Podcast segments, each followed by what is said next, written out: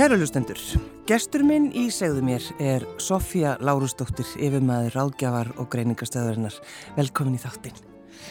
Hvernig var alast upp á kirkibæðuklustri? Það var alltaf minningin, alltaf bara sól og gott viður. Það er náttúrulega alltaf gott viður á klustri. Já, það er það. Ef það er ekki gott viður, þá er það. En það var bara mjög gott alast þar upp og bæði er þetta alltaf mjög fjölbreytt landslag. Fóldra mínu voru bændur og reyndar að pappi líka fyrirtæki mm. þannig að þetta var svona mörg sískinni, þetta var heilmikið stórt svona heimili og, og ekki stórt bú en að maður tók þátt ég lærði að vinna það var svona bara mjög snemma sem allir þurfti að leggja sitt að mörgum Hvað var það svona sem þú þurftir að taka að þér? Ég var nú uh, þriði að elsta vattasískina hóp Þannig að ónöðulega þá kom það svolítið í minn hlut að taka þátt í heimilistörfum, taka þátt í að, annars, að passa bönn, passa sískinni mín, hjálpast til við uppeldi þeirra. En síðan náttúrulega, af því við laðum alltaf áslá það að fórlar mér laði áslá það við myndum menta okkur fyrir ekkar, sem þýtti það að þegar við vorum búið með grunnskóla þá þurftu við að flytja heimann. Þannig ég fer mjög snemma að vinna utan heimilis og fór það að vinna á post- og símamálastofnum sem þá var, post og sími hérna. Já og var þar alltaf að vinna sum, á sömrum í öllum fríum og, og þá var alltaf vinnutími, það var unni á laugadögum og það var unni all, alveg frá 9 til 6 á daginn, þannig ég var alltaf uh, þar, já þar, þar frá 13 ára aldri var ég þar, þannig að það auðvitað mótaði mig líka, byrjaði að snemma að vinna og það var aldrei sumafrí, það var bara unnið og svo að fara í skóla. En þegar þú hugsaður um þetta, Sofía, þá er þetta, er þetta ekki svolítið svona, það hefur verið erfitt? Nei, maður ekki bara þetta bara hluta lífinu. Fólkdra mín unn alltaf mjög mikið. Það voru fyrirmyndinar mm. og svo, svo bara setna á æfinu þá fór ég að ferðast og fá frí og svona. Já. Þá fá maður að njóta þess. Já, bara þú, þú hugsaði, já það lítur að koma því einhver tíma. En, en hvar er, er, er bærin ykkar, sveitabærin? Eh, hann er Sofía? á kirkibæða klustri, það reyndar ekki búskapur það lengi. Eh, þannig að hann er bara á í, í þorpinu. Það tveir, voru tveir sveitabæri hérna á byggðin myndaðist á milli Já, og hún hefur svo færst meira inn á land þar sem að uh, þann hluta jarðarina sem að fólkdra mínir mm. áttu og eiga eða fæði minn á í dag. En sko átta sískinni eru, eru átta og öll á lífi. Já, já, öll á lífi. en hvernig sko mannstu eftir þessu bara hvernig, þú veist, hvernig var hvernig var heimilisaldið bara, eða hugsun um bara í kringum kvöldmattin? Bara svona Getur þú líst þessu svolítið fyrir okkur? Þetta var alltaf bara höfbundið eh, sveitaheimili þar sem að var bara morgunmatur og morgunkaffi, hátegismatur, uh, uh, síðdeiskaffi og kvöldmatur og kvöldkaffi. Eh, morgunkaffi? Já. Síðdeiskaffi? Já, oft, það var alltaf bara morgunmatur. Já, og svo, kom morgunkaffi. morgunkaffi. Já, mér stafsniðu. Já, og þannig að þetta voru, fólk kannski borðaði bara minna, borðaði oftar. Svolítið sumir mæla með í dag. Jú, akkurat. Mikil vinn alltaf, á fólkdurum mínum, stort heimili og það var alltaf þessi tími þar sem að um, það var allt, fór sjá bara með allt sjálf. Mamma sá um að, að sauma okkur fötinn og ég man alltaf eftir því þegar eignast fyrstu keftubuksuna mínar. Þannig að það, það var ég 11 ára gömul. Já. Þannig að þetta var svo allt öðruvísi. Og hva, hvernig buksu voru það? Það voru bara smekkbuksur og oh. demín. Já, já. Mm. hugsaður að muna fyrstu buksunar við keifta. Já. Já, þannig að mammaðin hefur saumað all föttin. Já, og sáum alla matselt og, og það var alltaf, já, þetta var svona eitthvað nefn allt öðruvísi. Ég skil ekki hvernig þú kosti yfir þetta allt. Nei. Þetta stóra heimili og þau bæði. Já. Pappi tók líka svo varum með stóran garð, þetta var og þau tók alltaf hjálpuðist af við það Já, rækta kartublur og... Já, og líka bara skrúðgar, það er mikil skrúðgarur kringum húsið í dag. Já. Mjög fallegur og... Svona til þess að bæta við vinnu, þá já, skulum við endilega já, hafa við þetta, fallið til kringum okkur. Já, svo fór það eitthvað tjálstæði eh, og bróðminn tók við því. Já, já þetta er tjálstæði sem er mitt margir kannastið. Já, það er það. Já. Það er svona. En, en Sofía, mannst eftir því að sko hafa einhvern tíman orðið þreytt á öllu þessu já, öllum þessum hóp og öllum þessum látum Já, þú veist, samt var þetta ekkert bara ólstöfið þetta. Mér finnst það mm. freka verið að það kom mér óvart þegar ég var allt í hennu einn. Já. Það var eiginlega meira áskorun heldur en að, að vera í hóp. Já, þögnin kannski. Já, þögnin og þetta vera bara einn. Það var svolítið skrítið. En við líka það líka vel. Já. Bjó, ég fylgti til Noregs eh, í eitt ár og þá ekslaðist það þannig að ég bjó eina tímabili. Ég veist það bara mjög gaman. Já, en þegar að þið settust við kvölduraborðið, sko, var nóg pláss fyrir alla? Já, já, það var bara allt óstort, það var bara stort borð og pláss fyrir alla og kartöflun alltaf skrældar og veist, þetta var alveg þjónusta.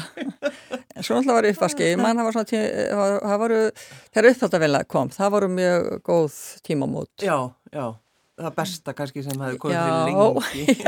Mamma en huruglega bara ekki trúað trúað gæfu sinni. En eh, Sofía, varstu með sér herbyggi?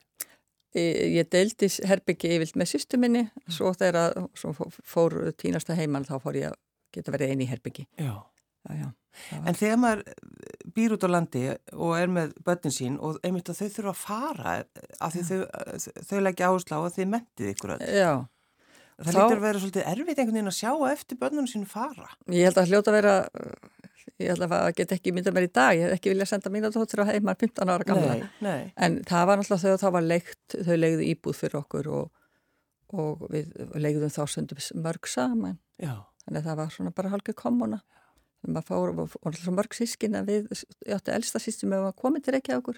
Þannig að við leiðum með henni og fleiri, oft var það stundu voru fleiri bara krakkar úr sveitinni sem leiðu með okkur. En þegar er, sko, ef það er haldið ættamót bara fyrir hjá ykkur, hvað er þið þá mörg? Vistu það? Ég, við þurfum ekki að, það er mættamót, það er bara, er ekki óalgjönd ef að séum 40, millir 40 og 50 manns sem að er að borða á, á kirkibæ. Já, bara, já, já. æg komið í mat. Já. já, 40-45 manns. Já, þegar það er komið börn og barnaböð, það gerist nokkið oft en Nei. þá er ekki dættamót, þetta er bara hittist þannig á að allir eru heimsækja kirkibæklustur allir sækja þangað. Og hver vil ekki, ekki heimsækja kirkibæklustur? Já, nákvæmlega. En, já, en það er auðvitað brist núni COVID nú er jú, þetta jú. allt öðruvísi og þannig að það er lítið gert síðsleginn tvö ár. Já, En eru fólkdreginir Sofí á lífi í dag? Fæð minn er á lífi. Já. og það er mitt ófyrir 2017 og Þannig að hann býr bara á, í okkar á okkur eska heimili. Já og tekur á mót okkur bara, hvernig sem er, svo framhaldið sér ekki fullt en við að sjálfsögðu bætu það með því að hafa sjá matselt og Já.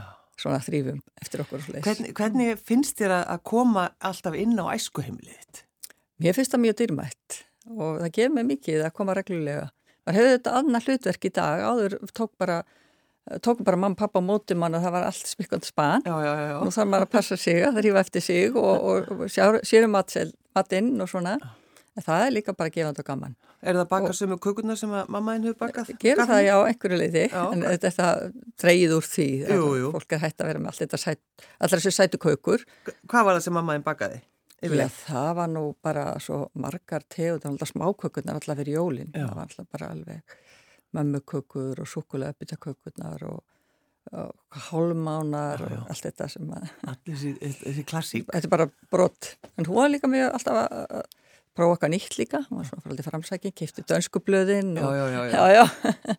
þannig að það hefur komið rúluterturnar og allt, allt það með sultinni en er það þá kannski að því þú ert númið þrjú af áttasískinum og ert náttúrulega að ferða annars þau að það kannski skrítið þú ferði í, það nám sem þú ferð svo í Sofía þróska þjálfa námið Já, þetta er bara alltaf í, í, í þessu. Atvekkin höfði þann til að ég fór að vinna á skálatúni eitt ár. Og þá svona kveiknaði áhugin á að starfa með fælluðu fólki. Já. á þeim tíma voru þetta mest þróskamla fólk og fólk með svona líkanlega fællun uh, þannig ég fer í þróskaðra námið og fer í framvalda því að vinna á svona stóru stopnum eins og Kópósæli, Solborg og svo flytti ég eitt ár og fer að vinna sem þróskaþjálfi á stóru stopnum sem heitir Emma Jútsjem það var stopnin í Nóri rétt í Oslo og það voru margir íslendikar sem fóru unni þar. Og það var kannski helgast ekki sísta því að það var svona ákveðna ævintýra þrá bróka nýtt. Já. og það var hægt að fá húsnæðar þannig að eh, maður kannski gengið að húsnæða á atvinnu Já, það er sko, maður, ég einmitt, var gestur hjá mér eh, fyrir ekkert svo löngu sem fóru einmitt að ræða þetta þegar að ævindira þráinn dró fólk Já. til þess að fara að vinna einhver staðar úti þá var þetta náttúrulega þótti þetta nú bara merkilegt að stíga upp í vél og Já. fara á landinu sko. Og ég var einmitt tvítu því ég fór að fyrsti skipt í Erlendis og þannig að þegar ég flytt út árið ég er 24 ára Já og þá minn notaði þetta ár til að ferða skriðalega mikið, það var þetta hérna Interrail það var það svona, þá gæti maður kipst í lesta miða og ferðast um alla Evrópu. Já, og dýrt. já, með, með bakboka. Já, það var svona, það var svona tækifæri sem var fólkinn því. Að því þú talar einmitt um, sko, þú, þú vinnur svona mikið, Sofía, eins og lístir og þú, það er ekki eins og í sumafrí og það er bara að þú vinnur og vinnur, þannig að 24 ára, þá, þá hugsaður hann, ef komin tími til þess að... Já, þá var allavega, það var fyrst að ég fór í frí Já, og ferðast, það var mjög gaman, lært og svíkt. sást eftir því að hafi ekki farið fyrr? Nei, nei, það er bara, því þetta er alltaf, allt verður að vana og svo ný, ef þú ætti að takast á eitthvað alveg nýtt, þá var það miklu meira spennandi. Já. Heldur en að þú búin að vera að fara marg oft, það var svona, eh, það var það svona minna spennandi. En Eða þegar- svona verður að vana meira. Já, já, en þegar maður er svona vanur, svona mikill í vinnu, Sofía, þá er nú oft þannig að bara fólk bara fer í þann takt einhvern veginn, en, en þú nýtur, nýtur lífsins líka. Já, Já. ég hef alltaf verið svolítið mikið fyrir útivist og meðlans, ég flutti til Nósa því ég ætla að læra á skýði og ég gerði það. Og þannig að það var svona mikill uh, stór þáttur í mínu lífi, í svona tónstæðalífi lengst af, sérstaklega ég bjóð á Östurlandi og, uh, og síðan kom gönguferðir inn í líka, það var það sumar hobbyið og svo núna er ég í hestamennskunni. Þannig að, og svo náttúrulega börn, börn og barnabörn já, já, aðeins að Og um fjölskyldan. Já, svona aðeins, inn á milli. Mm. Já, þannig að þú er testakona. Já, í dag Já. Mm. En varstu ekki það uh, með hestana í, í gamla daga? Eh, Það, nei, það voru svona bara sveita hæsta sem voru notar í smalamennsku þannig að það var ekki mikið var ekki eh, hjá fóröldru mínu það beða mikið engin- með bíla og sáum að svo, svo ferja fólk yfir yfir, vötn, yfir núfsvötn og, og, og gíkvísl og segeður á Já, akkurat. milli sveita, hann var mikið í því þannig að hann var svona í vélunum og tækjónum Já. þannig að hestatum voru svona meira bara eitthvað sem var notað þegar það þurfti að smala Já, maður er engin, En- en- tími í eitthvað, eitthvað, eitthvað dúll. En setni maðurinn minn, hann er, var í, og er mikið í hestum, Já. þannig að ég svona, gekk inn í það sport og svo sem hafði ákveðin grunn Já, já, og svetinni, maður auðvitað tók auðvitað. þátt í að smala og svona, mm, fast það skemmtilegt. En þú hefur, Sofía, einmitt unnið út á landi í, í, og þá er það sko, langar mér svolítið að tala um hérna svona aðstöðu mun fólks út á landi í tengslum við uh, alla svona þjónustu. Já, ég flytt, flyttist að því ég flytt frá Nóri, þá fer ég að vinna á lítildi stopnum sem hétt heit, heit Vonaland og það var svona, því ég hafði þá unnið á stóru stopnunum og, og mér finnst það mjög skemmtilegt að vinna á stóru stopnunum, en ég sá samt alveg að fólki leiði ekkit allu vel þar. Ertu að tala um Kópásæli og... Já, og Skólatón Kópa og Og Emma Jússjem og við vorum, tók þátt að fara úr stóru lausnum yfir í minni. Og ég kem á, á Vonaland og þar var lítil stopnun en einhvern veginn þess að enkenni voru það samt til sömu, fólk hafði ekki þetta vald yfir eigin lífi. Og, uh, og, og það hafði verið nýbóðastafna líka sambílið þar og það var sama, fólk bjóð þarna við ekki góður aðstæð, konur, konur miklu eldri ég og, og kalla sem átti jafn mikið og ég átti því femdist komóðu, það var komóðan og, og rúm Eh, og þannig að það var þessi löngun fólks uh, til þess að, að lifa svo sippi líf og aðrir, eiga sitt prívat, eiga íbúð, geta sapna svona hlutum eins og við gerum öll, já, já, já. að lifa svona sjálfstæði lífi Þetta er svolítið, þegar þú dregur þessa mynd upp einmitt af sambíli, að þetta, já, hún átti bara eina komoðu. já Og rúm. já. og svo þurfti að deila öllu, deila snirtingu, deila eldúsi og deila stofu. En það er alltaf verið að tala svona einhvern veginn að jákvæðni um sambíli, það, en er það kannski bara... Þetta var sambíli breyst að því litil til að það hefur orðið svona kallað íbúðu sambíli, þá hefur hver á eitt sína íbúð Já, en er þá getur þá átt sitt bara prívatlífan velur það. Það er það Og- sem er í dag, er það ekki? Það er ekki Já, það er eiginlega komið núna, eru komin enn lengra, þá eru komin með e, notið að stýra persónulega aðstóð. Þannig að það er svona, þá eru komin enn lengra, þá er fólk farið að stjórna sjálft sínu lífi með e, ríkara mæli heldur en er eða þú ert að deila með öðrum og það er bara, e, þú ert hluti að búsetu kjarn eins og kallað er. Það er svona minna, þú þarfst að taka til til fleiri Já, heldur já, já, já. Þannig að þú ert þarna fyrir austan Mm. og, og vinnur, og þá finnur þetta, sko, þessa minni, uh, minni staðir. Já og það voru líka átti ég þess kost að taka þátt í að kanna áhuga fallar, fallar á fyrir sem að byggu, byggu vitt og breytt um Östurland fyrir því að, að uh, hvort þetta stofna annars sambíli Mm. og þannig ég ferðast um alla fyrðina og, og átti samtal við bæði fallað og ófallað fólk, ekki síst aðstandu þeirra og þá kom í ljós þessi löngun fólks til þess að að einstaklega þið getur bara búið áfram í sínu samfélög og þá þá voru bara sambili stór löst því að það var ekkert fimm í hverju bæjafélagi eða í hverju, hverjum fyrði Nei. og þá hittist þannig á að samband Sveitafélag Östurlandi uh, hafi farið í svona samtal við örkjabandala Ísland sem að þá uh, var að stopna húsjóðinn húsjóð örkjabandalarsins og, og þá var svona ákveð að kanna áhuga íbúa á, eða sveitafélag Östurland til að byggja íbúi fyrir falla fólk sem bjó í þeirra byðalagi. Og þá svona opnaðist ákveðið dyr fyrir þann hóp sem að e, bjó og var í umsjón al, e, a, a, sagt, sinna aðstandanda að getur bara haldið áfram að búa á, í sínu byðalagi og fá þar þjónustu. En við fórum þá í samstarfi sveitafélagin um það að, að við sáum um að þeir sáum mér hérna verið að veita heima þjónustu og við komum þá með svona við köllum það þá frekari liðislu, við komum þá með þess að sértakku þjónustu og, en þeir til þess að ekki að flækja málinn þá borgum við þeim og þeir eru starfsfólki. Við sáum um alla svona faglega liðsögn og, og svona utanumhald. Þetta var farsælt samstarf. Já, já. Og síðan leytur svona eitt af öðru það voru fleiri sem vildi að vera sér þráfólstis fá að meira sjálfstæði þannig að við, það endaði á því að við lögðum niður uh, vonaland og fólki flytti íbúðir og síðan var sambíli líka lagt niður og fólki var bóðu upp að þá meira, var hann búið til íbúðasambíli.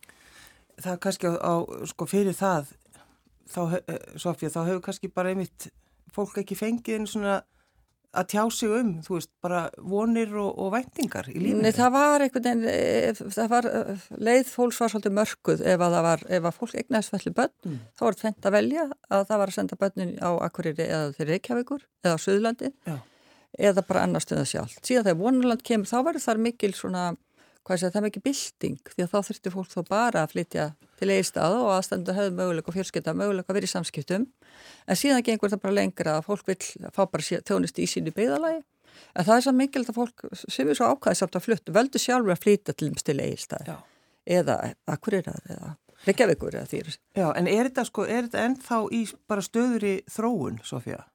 svona bara hvernig best er að að hafa þessu hluti? Já, ég held að segja afskaplega mikilvægt að við séum stöðut í þróun, það er mikil þróun sem er eiga á sér stað og, og það sem þessi, þessi þróunabreitingun er, hún, drifkraftun er fallaði sjálfur og þeirra hagsmennsamtum. Mm. Örgjabandari þroska landstöfnstykki þroska hjálp, þetta eru drifkrafturinn í þróun, í þjónustur og núna eru fólki sjálft árið svo miklu sínilegra Já. sem er náttúrulega bara í ákvæðastöfnum, þau geta best sagt til um hvernig þjónustu þau vilja og hvernig lífið þau vilja lifa. Já, það, þegar þú hugsaður tilbaka því þú hefur svo mikla reynslu bara mitt frá því að fara vinna á kópáhúsælinu og sjá bara hvernig, hvernig þróunin hefur orðið. Já, það sem ég fannst vera svona, sem ég vist, ég svona horfður tilbaka, þá er það þessi, við, okkar hætti svolítið til í að detta neyri eina laust fyrir alla og þegar kópásæli var eh, byggt upphafilega þá var þetta var fólki kannski eða sett á laggitinn þá var fólki kannski að koma bara hennilega út úr húsum eh, og bjóði mjög báborðnar aðstæður. Já. síðan er farið að flytja fleiri og fleiri þar inn og þá var þetta bara allt í einlega lausnin. Við höfum svolítið verið svona er, í dag, við horfum að það sem er í dag þá var kannski á félagsjónasta sveitaflega að leysa öll mál. Og það er ekki svo einfalt þannig að þess að fagna ég og nú, ef ég vísa bara til þess að þessi er í dag það sem er bara þjóðstöðu börn fagna í þessum lögum sem að uh, þáverandi félags- og barnmálar á þeirra, núverandi barna- og mentamálar á þeirra uh, varðist til og það er þessi uh, breytingar þá barna. Og þetta kallast samtættikalögur í þá farsaldar barna. Mm. og þar, hún gengur út og það allir vinni saman. Að það að uh, fólk er að takast á okkur áskoranir, hvort það eru börn eða fullorni, þá er þetta fjöl, þá þurfa margir að koma að geta þurft margir að koma að. Mm það er ekki bara skólakerfið eða bara heilbríðiskerfið eða bara félagsjónastan við höfum öll að koma að því að hjálpa stað við að, að koma barninu til og, og, og, og þeim sem þarf að halda til að hjálpar og allt gengur út á að lifa sjálfstæðu lífi. Það er það sem við þráum öll. Já, já. og það er alveg sama hvort við höfum búið með einhverja skerningu eða eitthvað. Við þráum að geta svolítið lífina á okkar forsöndum upplýðu okkar þrá langanir og drauma. Mm. Svo fórstu til Akureyri, er það ekki, Sofía? Jú, ég ætti að skosta að vera, ég var 25 ára á, það er á 12 ár sem ég tók þátt í 70 stjórnumálum, þannig að það var líka lærtusríkt að, að sjá þá hlið. Og svo fer ég til Akureyri og fer þar að vinna í félagsjónustunni og það var mjög gaman að koma þar inn vegna þess að þar hafði sveitafélagið Akureyrabær hafði tekið við e, mikil þjónustu, þeir láka helsugessluna, þeir láka öll þjónustu við aldraða þeir, og þau tekið við málum fallara þannig að ég geng þar inn í mjög reynslu mikið kerfi og, og, reyn, og kynist þar mjög reynslu miklu fólki að veita öllum þjónustu. Og, og hvernig kerfin unni þar saman. Mentakerfið, heilbyrðiskerfið, félagsþjónustan. Og uh, það var mjög, uh, ég held að þar, þar voru miklar áskorins fólk var að takast á. Og það var, maður sá það að það var miklu farsætla, það náðist oft farsældar lausn, farsældar. Heldur, heldur en fyrir, fyrir austan? Já, þessi, þar voru við reynda mikið að vinna sama, ég var að minna sveita fyrir mig, líka með, með heilbyrðistofnunum, maður fann sér kontakt aðeila í, en þarna var eitthvað svo skrítið að koma inn í kerfið þar sem þetta var bara, þetta var bara sama kerfið, sveitafélag var að reyka þetta öll þessi kerfið, það við unnum mikið saman. Og einhvern veginn þá er það einfaldara? Já, það gerði, það gerði einfaldara að takast á við uh, krefjandi áskorunum sem við mm. vorum oft með. Það voru oft mikil vandi hjá fólki og þá voru við að vinna í sama kerfinu og þá bara uh, settist við niður saman og fundi hver er vandin, hvernig leysum við það saman. Já. Og hvað, hvað varstu lengi þar? Ég var fimm ár þar. Og hvernig komstu svo í Borg Óttans? Ég kom 2016, það var sex ár síðan. En það er sko að því þú hefur náttúrulega, þú veist, frá áklustri mm. að þú velur samt líka mitt að, búa út á landi. Já, na, það eksluð þannig, bara hlutin eksluð þannig. Um, ég held að, mér langar ekkert að flytja til Reykjavíkur. Bara maður mér fekk starfar þannig að, að þannig ég sóttu um starf sem var, ég var svo heppin að fá, sem var þá fórstum að greiningar og ráðgjafastafiða ríkisins, eða ekki þá, þá kannski um áramotinn, það breytist í ráðgjafar og greiningarstöð og þar kynist ég svona kannski um, þeim hvað sé það, nýjum, nýjum þætti sem er þá fræðsla á rannsóknir sem ég fast, ég hef alltaf lagt áherslu á að, að fræða fólk að því að eins og Östurlandi þá var, var þjónustan borun upp á fólki sem ekki var með fagmentun og þannig að við lögum miklu áherslu á símentun og fólk var mjög duglegt að taka þátt í að sækja sér símentun og og áttum farsalt samstarf þar við bæði taksmunarsamdækuninu og stjættafélaginu og svo framvegis. Eh, Akkurri var þetta svolítið innbyggt það líka, það var mikið fræsli til stjórnunda og líka fræsli til starfsfólks. Þannig að þetta kom ég inn þar sem að varu rannsóknir og fræsla. Við þáttur í eh, bara eitt af hluturku sem ráðgjára greiningastöðar. Já. Og þar er engungu fagfólk að vinna, nánast. 13 fagstittir sem skiptir náttúrulega mjög miklu máli. Skiptir miklu máli Já. og mikil þekking. En það er líka mikil áskorun að vinna með öllum þessum fagstíftum. Já. Að ég segi stundu við fólki að það verður miklu einfaldara fyrir mig að ég væri bara stjórn á þróskaþjálfum því ég er þróskaþjálfu og, og, og þar alveg myndi fólkið, já, hafði ég svona, það er það einhæfar hins vegar. Og, og þegar maður út á land þá þurftum maður að bara nýta þá þekkingu sem var til staðar. Mm. En þetta er náttúrulega bara mjög dýrmætt að hafa fengið, fengið þessari reynsli til viðbútar. Það er hjá ykkur, það eru börn með sérþarfir, er það ekki? Eða er, er eitthvað meira sem þið... Við erum svolítið í rauninu, við hefum svona markþætt hlutverk. Við, eh, annars, sko, við erum til og tilvísunarstofnun, við erum stæðlega landstofnun, við erum mm. að þjónast allandið. Eh, það kemur einhver til okkar nema á, á undangengnu svo kallari frumbegreiningu, þar sem sérfræðingar í hér að því svona eh, skoða og greina vandan og ef að hann lítur út fyrir að vera langverðandi þá er hann sendið til okkur okkar, því okkur er ætlað að, að greina býttakan eh, eh, svona þroska vanda og meta hvort að um sér eða varanlega vanda eða skamtíma þannig það er, það er ekki bara verið að vísa börnum sem eru klárlega fallið til okkar, það er líka verið að vísa börnum með svona vanda í annan vand, þroska vanda Eh, ég segi það gert það er mjög ljóst ef að það er eitthvað líkalegt sem að eh, er að hjá börnum. Mm. En ef að það er eitthvað þroskatengt, það er að segja tögaþroskin, ef að það er eitthvað sem að bjátar á það, það er svona erfiðar átt að segja á því hvort að um sé að ræða eh, langvarðandi vanda eða vanda sem er svona hægt að með yngripi Já, hægt að hjálpa Já, með, það er alltaf hægt að hjálpa og við tölum gerðan um stemtæka íhlutun því fyrr sem við grípum inn í vanda hjá börnum því meiri, meiri líkur er á að við getum aðstóða til frekari þróska. Mm. Þegar að, að, því bara við hugsaum um sko foreldrana, Sofía, mm. Hvað er það sem að uh, fóreldrarnir kvarta yfir í tengslum við ykkar, ykkar starf, Sofía? Það er náttúrulega er, svona, þessi bygglisti og það er hjá okkur til dæmis en áður er fólk búið að gangi gegnum kannski hvert á ég að leita mm. uh, oft uh, á tíðum það hefur ekki verið skýrt í með þessu nýju uh, farsaldalögum eða samþættikalögum þá er það nokkuð skýrt að helsugjastlun er alltaf ákveð hlutverk því að hún er ju að hitta fjölskylduna fyrst og síðan þá skólakerfinu og félagsstjónustunni þannig að það er svona sett svolítið í farveð þessi nýju lög. Þá setja þau svolítið farvegg það á að grípa inn í. Og það á ekki að býða eftir greiningu það á að e, byrja strax. Og ég Það er þessi slemtæka í hlutin Já, en ég legg þess að áherslu á það þarf náttúrulega, það er gett að gera bara eitthvað. Það þarf auðvitað alltaf að greina við erum allski svona tækja tól til þess það eru skimunar, listar og síðan eru í nærsamfélaginu oft fólk sem getur teki, gert ákveðna greiningu og, og þá mætu við, það er mikild að mæta bæði batninu og fjölskyldu Uh, það er mjög mikil þess að ekki bara hósta hvað er barnið að takast á við, heldur líka hvað er umhverfið, hvernig er það að mæta því. Mm. Þannig ég held að, að eitt af því sem er mjög mikilvægt að við skoðum alltaf þegar að er eitthvað vandi, uh, vandi að segja hvað þekkingu þurfum við til þess að aðstóða uh, barnið, ef við horfum bara barnið og fjölskylduna. Já, já. Og það er svona búið að búa til þess að umgjör núna og, og það er undir fórustuð, það er nú verið barna metta alveg á þeirra, þess ásmundar mm. sem er er náttúrulega nú er það bara okkar sem er sem er starri kerfinu að taka við keflinu. Það er búið að búið þessu umgjörð, það eru fjármennu líka á allaðir í þetta verkefni. Við ætlum okkur þrjú ár í innleðinguna.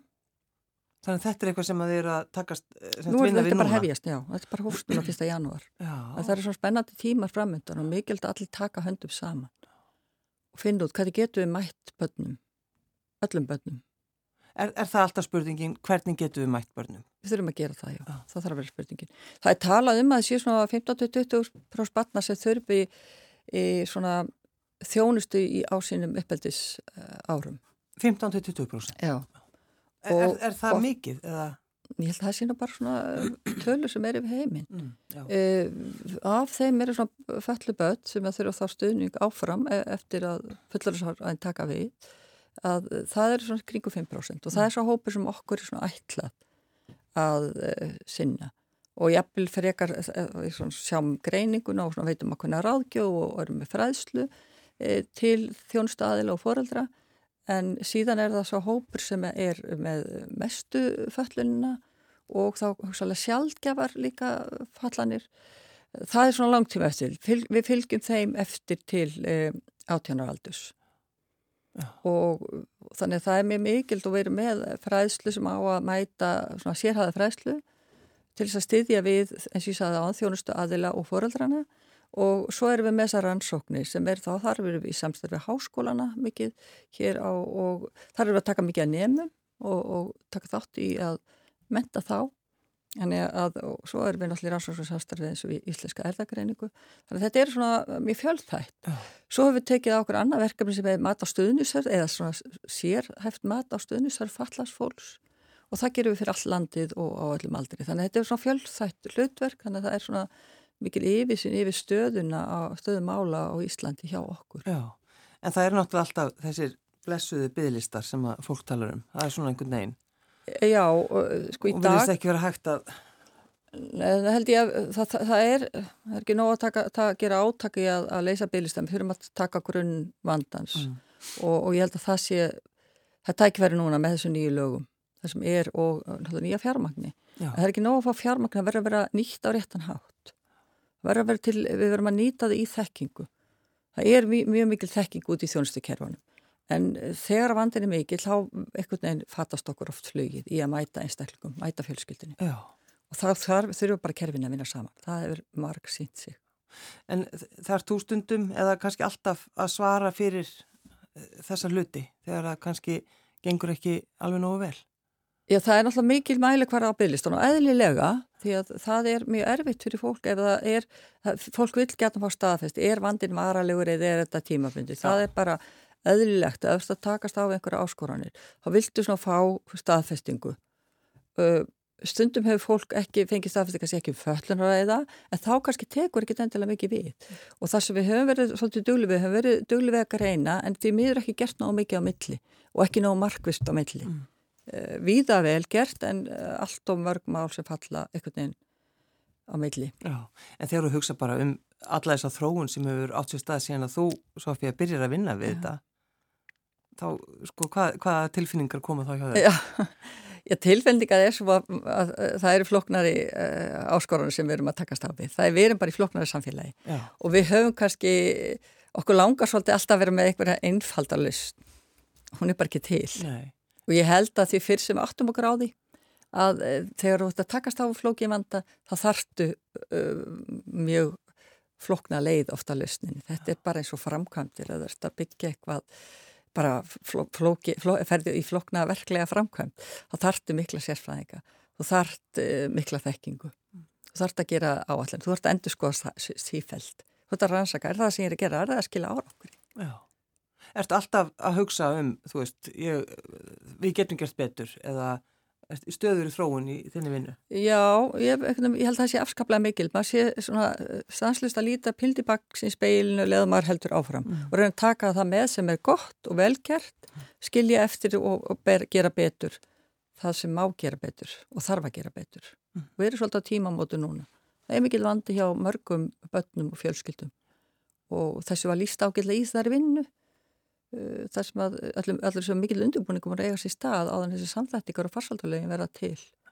Og hann er í rauninu verið ennþá erum að breyta lögum til þess að, að uh, greiða göttur uh, þessa nýju, hvað segja, bara hugmyndafræð og þessara, þessara leiðar að, að því það er ekki nóg að vera með samþættingu ef hún skilar sér ekki til einstaklingsins Þannig að eru, þetta er það sem við erum að gera núna. Þetta er það sem við erum að taka þátt í að gera Já. núna. Við verðum bara, eitt, eitt, við erum eitt, eitt bitin í púslispilinu, mikilvæg biti fyrir ákveðin hóp. En uh, þannig að það er, eru krefjandi tímar, er spennandi framöndan. Sofía Lárusdóttir, yfirmaður ráðgjafar og greiningarstöðvarinnar. Takk fyrir að koma. Takk.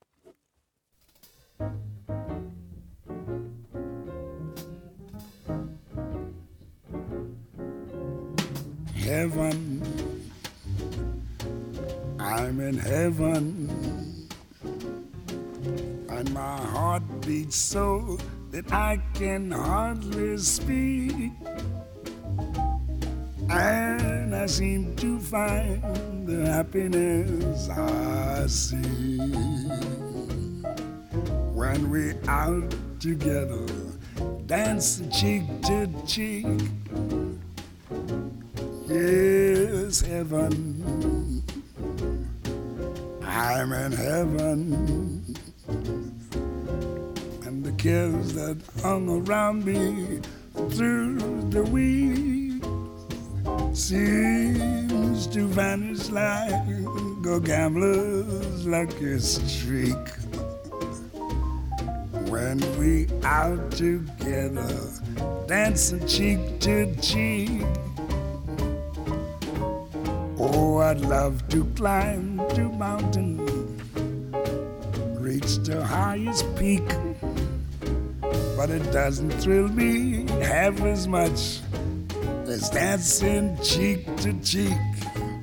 Oh, I'd love to go out fishing in a river or a creek. But I don't enjoy it half as much as dancing cheek to cheek. Now, mama, dance with me. I want my arms about you, the charms about you will carry me through. Yes, heaven. I'm in heaven and my heart beats so that I can hardly speak. And I seem to find the happiness I seek when we out together, dancing cheek to cheek. Take it, Ella, swing it. Heaven, I'm in heaven heart heart beats so that I can hardly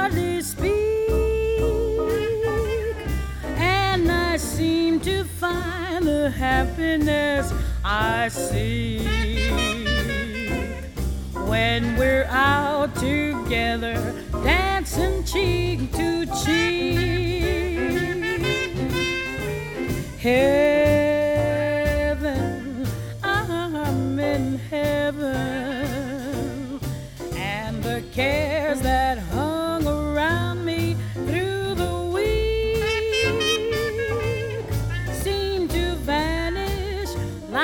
gambler's lucky streak when we're out together dancing cheek to cheek. Oh, I love to climb a mountain and to reach the highest peak, but it doesn't thrill me half as much as dancing cheek to cheek. Oh, I love to go out fishing in a river or a creek, but I don't enjoy it half as much as dancing cheek to cheek. Come on and dance with me. I want my arm about you. The